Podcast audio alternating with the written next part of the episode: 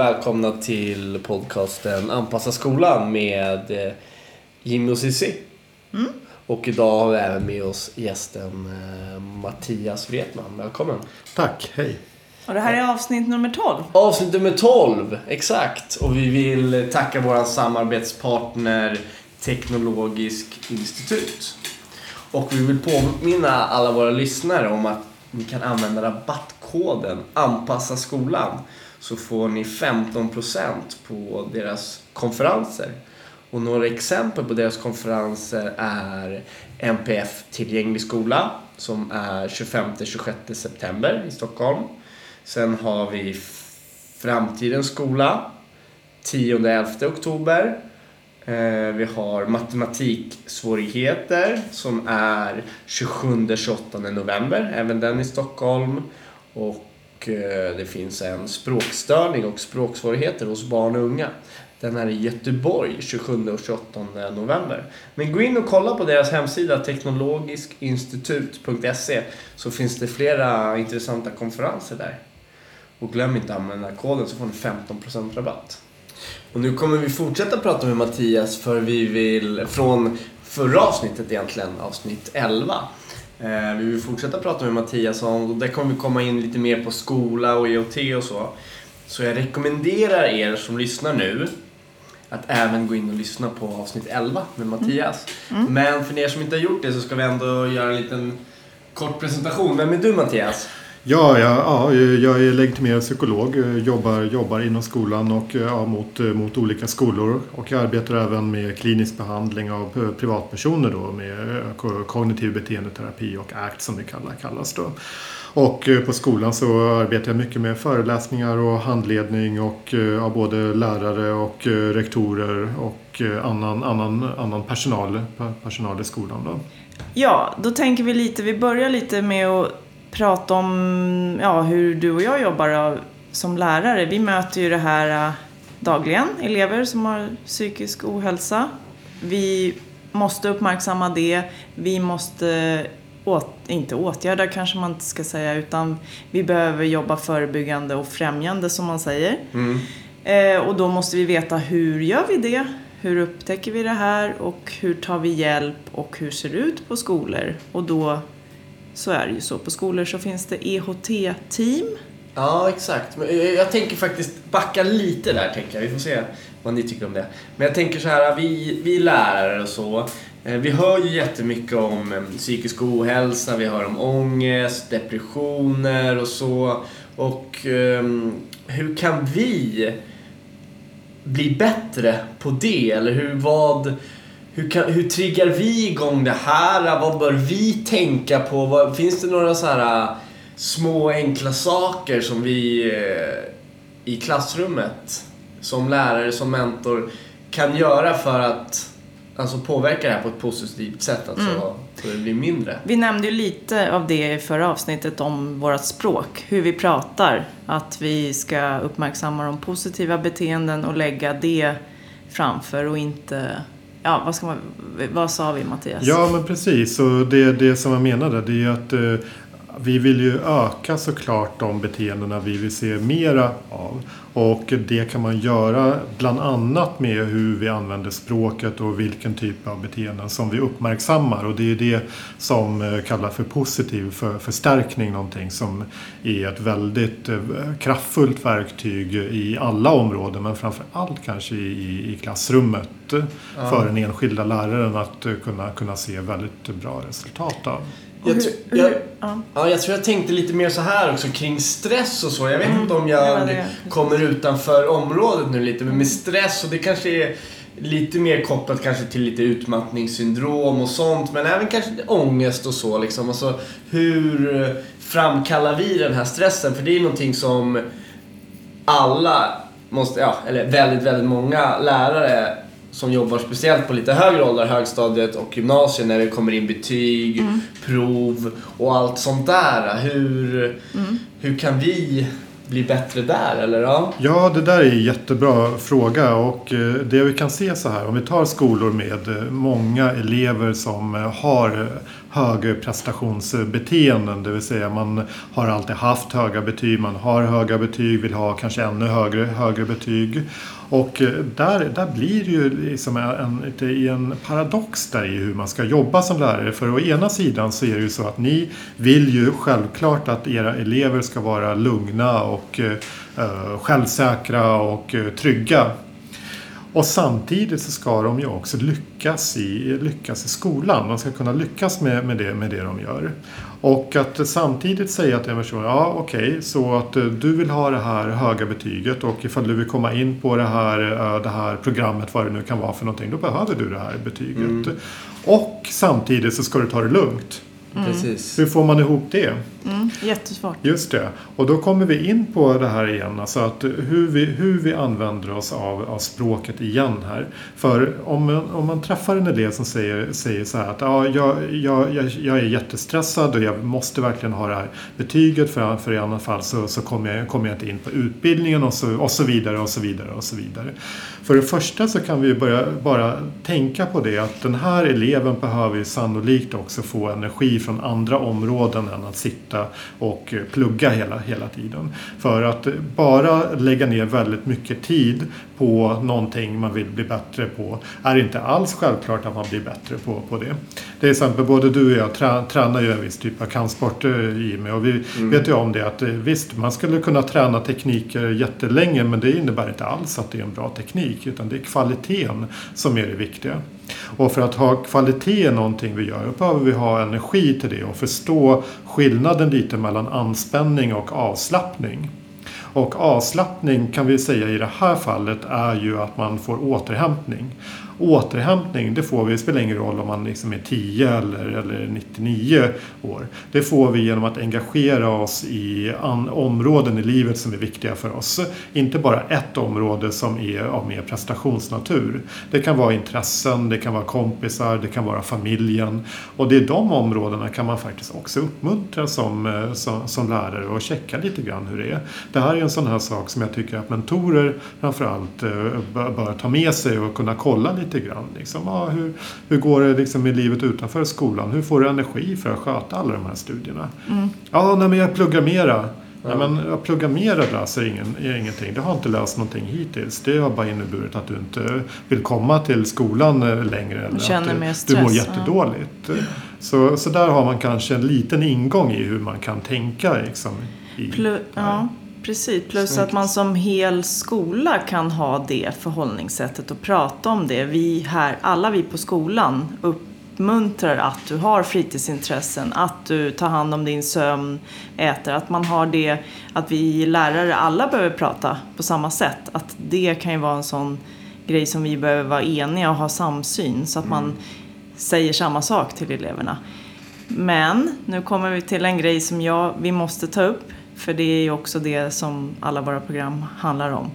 Har vi elever med NPF, hur ska vi tänka då? I det här äh, stress. För det här har vi ju en högre sårbarhet ofta hos de eleverna. Och vi kan upptäcka olika saker, problematisk skolfrånvaro till exempel hos dem. Högre andel. Hur ska vi tänka då? Just det, så frågan är om jag tolkar rätt är hur elever med eh, neuropsykiatriska funktionshinder reagerar på stress till skillnad från de som inte har det och hur vi kan bemöta dem. Precis. Ja. All right. Så visst, det är, det är en, en liten skillnad i hur man eh, hanterar stress och generellt så har gruppen med NPF lite högre känslighet för att utveckla olika typer av, av ångestsymptom. Mm. Det behöver inte innebära att man har en ångestdiagnos. Däremot så är det högre sannolikhet att man har ångestsymptom. Och när man har ångest då brukar det ofta resultera i att eh, man undviker, man drar sig undan, man har svårt, svårt, svårt att komma igång. Och den gruppen har lite mer utmaning i det området än, än den andra. Och då behöver vi för det första känna till lite grann vad är det för någonting som gör den här eleven eh, lugn. För det första ska vi börja söka lite i historien. Har det funnits eh, liksom en tid i historien där det funkade bra? Hur såg det ut då? Och då hamnar vi sannolikt i det här liksom med hur de hur strukturerar sitt arbete. eh, Hur det ser ut hemma när man ska strukturera för, för, att, för att plugga. Den här gruppen behöver ju generellt en lite mer anpassad eh, miljö och struktur kring sitt arbete än vad man gör utan, utan en, en sån här di- diagnos. Då. Och eh, det, det är en utmaning men eh, ett nyckelord, nyckelordet här, precis som det är med alla andra elever, det är relation. Vi måste, för att få reda på de här sakerna, måste vi bygga relationer med, med, med, med elever. Och det spelar ingen roll om det är NPF eller elever som inte har det. För bara genom det så kan vi också förstå vilka utmaningar just de kämpar med i, i, i, i det här. Och här brukar jag stöta på också en, en, ett, ett, vad ska man säga, kanske inte motargument men en, en, vad ska man säga, en, en ingång som jag tycker är bra att ta upp. Och det är det här, hur ska jag som lärare kunna ha koll på alla individer i, i, i ett klassrum? Och eh, svaret är självklart nej, det, det, det går inte att ha koll på alla, på alla individer. Däremot så kan vi börja utveckla beteenden som uppmuntrar till att skapa relationer så att vi får eh, relationer till dem eh, där det behövs lite mera kanske och där vi kan bygga, bygga på och undersöka vad det är, vad vi kan göra för att anpassa för, för en viss elev med NPF. Eh, jag tänker så här, vad som kan vara ett stöd för lärare och så är ju ofta EOT på skolan. Mm. Ja, Det blir nästa steg, så att säga, när man har uppmärksammat någonting. ja men precis och eh, du har ju stor erfarenhet från EOT och jobbat med många olika i skolor med EOT och så. Eh, vad tycker du kännetecknar en fungerande och bra EOT? För jag kan börja där min erfarenhet är ju, jag har pratat med ganska många skolledare runt om i Stockholm och det, jag tror att det här är ganska, eh, jag tror det stämmer bra över hela landet att EOT är ju någonting som eh, många har, eh, ja, de kallar det utvecklingsområde och det fungerar inte kanske riktigt så bra som det kanske skulle kunna göra. Eh, vad, vad, säger, vad har du att säga om det Mattias? Ja, Får jag bara bryta in där? Vi behöver också berätta för de som inte vet. Bra, vad är bra. EHT? Exakt, vad, vad, Då är det något du behöver öva på. men kan du, kan du ta lite snabbt vad ett EHT är för våra lyssnare som inte känner till vad det är? Mm. På alla skolor så har man EHT-team eller man säger elevhälsoteam. Jag har också hört SHT, skolhälsoteam. Som, ja, enligt skollagen ska bestå av eh, kurator, specialpedagog, speciallärare, rektor, skolsköterska, skolpsykolog. Är det något mer? Mentor i många fall i alla fall. Mentor vid Ja. behov, ja precis. Lärare. Mm. Missar vi något Mattias? Nej, du tog upp de som är lagstadgade som man ska ha i ett eh, elevhälsoteam. Och viktigt här är också att eh, väldigt många av de här grupperna tror att det ska finnas tillgång till eh, olika, till exempel skolkurator och skolpsykolog. Men det nämns aldrig vilken omfattning som det ska vara. Och därför, och det där kan, du, ja, kan man ju diskutera lite grann. Det är ju självklart det är svårt att säga exakt hur det är. Men det ska i alla fall finnas tillgång till, eh, till de här yrkeskategorierna för att Eh, man ska ha ett fulltaligt eh, elevhälsoteam. Då. Mm. Och när använder man sig av elevhälsoteamet som lärare? Ja, och här kommer vi in på en brännande het fråga tycker jag. Åtminstone i alla skolor som jag har varit i så fungerar det väldigt olika det här med hur och när och var man använder sig av, av sin, sin EOT-kompetens. Eh, uh, eh, Vi kan börja med bara att definiera lite vad elevhälsans primära uppdrag är enligt Skolverket. Och det är att främja och förebygga och stödja enskilda elevens utveckling mot, eh, mot sina mål. Mm. Och eh, märk väl här att det inte någonstans i det här Skolverket står att åtgärdande insatser ska vara en del av elevhälsans uppdrag. Och vi vet ju allihopa att eh, åtgärder är någonting som elevhälsoteam arbetar väldigt, väldigt mycket med. Och eh, generellt kan man säga så här att eh, i de skolor där eh, elevhälsan omfattar egentligen all personal på skolan, det vill säga där det inte egentligen finns en, väldigt, en tydlig gräns mellan elevhälsa och lärare. De skolorna har ofta utifrån vad jag tycker ett mycket bättre samarbete sig emellan. Jag tycker att man är mycket snabbare på att fånga upp elever som är på väg bort och generellt så, så är de duktigare på det främjande och förebyggande arbetet. Till skillnad från när vi ser uh, att det finns en diskrepans här mellan vad lärare tycker är IoT och vad IoT tycker är lärarnas uppgift. För ibland så kan det mycket väl vara så att vi har ett IoT-team där alla sitter bakom stängda dörrar. Eh, man har ingen kontakt med IoT-medlemmarna. Eh, förutom när man skriver på något eh, diffust papper som kommer rätt vad det är att man ska definiera vilka problem man har med eleven och eventuellt så hamnar de i någon typ av samtalskurator eller ja, man vet inte riktigt vad som händer men vi, vi lämnar över eleven till IoT. Det blir beställar funktionen. Jag beställer en tjänst av dig, jag behöver hjälp med den här eleven eller tvärtom. Ja. EHT beställer uppgifter av en lärare. Precis, och sen så kommer ju då, tänker vi oss då att när vi väl har lämnat över den här eleven till IoT, då dröjer det efter X tid, då kommer eleven tillbaka färdigpaketerad, frisk, fullfungerande, sannolikt kommer få bättre betyg nu till och med. Mm. Vi vet att så inte är fallet och Nej. det är snarare tvärtom så att det brukar leda till ganska många frustrationsmoment det här. Och längre tid brukar det ta. Ja, vi innan- upplever att det tar lång tid ja, Mm. i, i, i det här. Och där kan man säga att det finns en stor skillnad mellan eh, kanske vad IoT tänker att lärare ska göra och vad lärare tycker att IoT ska göra. Från IoT-perspektivet kan det däremot också vara så här att man sitter isolerade i egna möten där det inte finns någon lärarrepresentant. Ja. Och man är inte riktigt insatt i den pedagogiska verksamheten. Utan istället så blir fokus på vad de enskilda lärarna borde göra för att förebygga i klassrummet. Men det finns inget samarbete och ingen förståelse för hur man arbetar med en gemensam el- elevhälsa. Och därför är det egentligen det första steget för att få en effektiv elevhälsa det är att vi ska ha samma syn på vad elevhälsans uppdrag är och på vilket sätt både jag som lärare och elevhälsopersonal ska vara involverad och jobba mot samma typ av, av mål.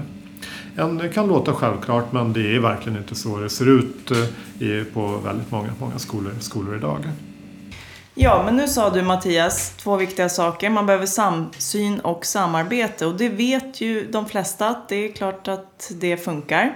Men på vilket sätt och hur ska man göra för att det ska funka? Ja, det är bra att du ställer mig lite mot, mot väggen här. För självklart är det så att eh, man behöver plocka ner de här abstrakta begreppen som samarbete och eh, samsyn ner till en konkret och vad jag vill kalla beteende, beteendenivå. Och eh, då är det så här att vi behöver prata lite grann kring det här med vanor. För en sak du sa här är också eh, Cissi, det var ju det här att eh, vi pratar om samarbete, samsyn och sen så går det en vecka och sen så är allt som vanligt igen. Och man kör sina, det, det, man halkar in i vanliga rutiner he- helt, helt enkelt. Och eh, vi människor, vi, vi, vi är vane, vanedjur. Och vi tycker om när saker är som det alltid har varit. Vår hjärna, vår stenåldershjärna avskyr när vi ska börja göra, göra nya saker. Och eh, här kan vi säga så här att vi, vi människor vi har lyckats med helt fantastiska saker. Vi kan kommunicera med ljusets hastighet, vi kan uh, flyga, flyga ut i rymden, besöka, besöka månen, allt det här. Och det är fortfarande så att i våra kroppar så reagerar vi fortfarande på en väldigt, väldigt uråldrig nivå om vi säger, om vi säger så. Och det här med vanor är ju någonting som är väldigt förankrat i, i, i vår evolution. Vi, vi vill att saker och ting ska vara som det alltid har varit för det har främjat oss i vår överlevnad troligtvis att vi är på det, på det viset. Och eh, även om vi lever i en helt annan typ av samhälle än vad stenåldersmänniskan gjorde förut så har vi fortfarande kvar den här typen av strukturer i, vår, i våra hjärnor som gör att vi vill gärna bete oss som vi alltid, alltid har gjort. Det behöver inte innebära att vi lever det liv vi vill eller att vi är, jobbar på det sättet vi vill på vår arbetsplats eller att vi följer de nya. Det, det är fullständigt oväsentligt för vår stenålderskärna. Utan det där är någonting som vi behöver jobba väldigt aktivt med. Att ta reda på vad är det för vanor vi har just nu? Hur ser de ut? Och vilka nya beteenden är det som vi vi faktiskt vill, vill föra in? Jag ska ta ett konkret exempel. Jag har jobbat på, jobbat på en skola där, där, där vi arbetade med att få ut IoT mycket mer bland, bland den pedagogiska personalen. Och det här var ett IoT-team där man mycket var lite mer isolerad. Man satt inne i, i sina rum. Inte för att man ville det, det funkade inte heller. Man ville gärna vara på ett annat sätt. Men det, det bara, det blev, det bara blev, blev så hela tiden. Så där innebär att ett beteende som signalerade att man började gå i linje med det här att ha ett bättre samarbete. det var att eh, till exempel en av de här personerna eh, var regelbundet ute i, klassrum, i klassrummen, gjorde klassrumsbesök. Och eh, då satte vi ett litet schema och sa att okej, men nu ska du testa att göra det här kanske två, tre gånger den här veckan. Och det är alltså en ökning med, liksom, med, med ganska många, ja men 300 procent från att inte ha gjort det alls. Så tre gånger, tre gånger i veckan gå ut. När man gör det så är det viktigt och sen att man pratar, pratar med läraren både före och efter, bygger relationer.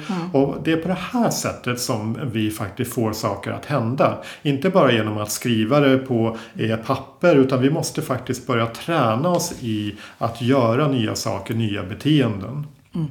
När vi börjar och ska göra det, då kommer vi alltid stöta på obehag. För det som jag sa förut, att vi, vi tycker inte om att ändra vanor. Alltså det, det, det, det är jobbigt.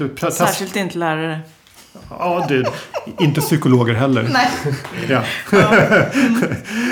Bör testa, bara, testa bara en sån enkel sak som att bestämma er för att hänga jackan på en ny plats när ni kommer hem varje dag. Att den ska hänga på samma plats eller på den här andra Eller platsen. nycklarna. Ja, eller Ja. nycklarna. Ja. Jag kan ge mig för 17 på att, det, att eh, ni kommer att misslyckas. Att det är Mm. rätt vad kommer den här jackan vara. Och det, det är inte ens ett känslomässigt värde kopplat till det. Nej.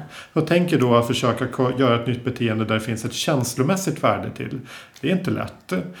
Kanske är blyg, man är inte rädd, lite orolig för att gå ut, ska jag bli värderad och nu ska jag sitta här i klassen, vad ska jag göra? Och allt det där måste man på något sätt bära med sig och fortfarande börja göra de här beteendena. Och då behöver man ofta eh, stöd, man behöver, man behöver hjälp och tydligt ledarskap såklart. Eh, att, det, att, man, att vi ska jobba på det här sättet. Det är därför det är superviktigt att rektorn leder IoT. Allt är väldigt viktigt. Det finns skolor där man inte gör det. Jag, jag vill säga att det är extremt viktigt att rektorn leder IoT. Så det var ett, ett litet exempel, exempel på hur Och man kan jobba konkret. Nu nämnde du ett exempel att eh, personal från IHT ja, kan behöva hjälp Mm. att gå ut och möta lärarna. Men det är på samma sätt med lärarna att de kan jag också tycka att det är jobbigt. Nu kommer någon och ska granska mig. Jag ska behöva ta råd som jag kanske inte vill ha. Det är ju samma där. Man måste också jobba med att vi gör det här tillsammans, vi har samma mål, det är inte någon som ska bli granskad, du ska inte, någon ska inte komma och säga åt dig vad du ska göra. Sådana saker jag har jag stött på, att man tycker det är obehagligt. Jag fixar det här själv, man vill fixa det själv. Och det kan också vara ett motstånd att man väntar, ja det kan bli ett, eh, att man väntar för länge med att ta hjälp av IHT, det har vi pratat om förut. Man ska fixa allt själv i klassrummet och så har man massor med problem med elever men man har nästan bara gett sig fan på att klara det så att man glömmer bort att ta hjälp från EHT. Och då kan det ha gått för långt. Ja, jag upplever så här att ofta, ja ofta, så vill, alltså många lärare vill jobba ganska självständigt. Det finns ett motstånd att jobba tillsammans. Jag, jag upplever det faktiskt så att liksom man vill gå in och göra, man sköter sitt klassrum, man, man har, man, man vill inte göra det, man vill inte, det kanske är fel men Man är van. Ja, man är van eller man kanske inte vill, jag vet inte. Men det finns ett stort Jag motstånd. Ja men det kan ju vara vanan. Ja. Det behöver inte vara motstånd. Nej, Ja. ja, att jobba tillsammans. Att jobba tillsammans. Det låter I- oroväckande. Att det finns ett stort motstånd till Mm. det. Jag upplever det så. Upplever du det så, Cissi?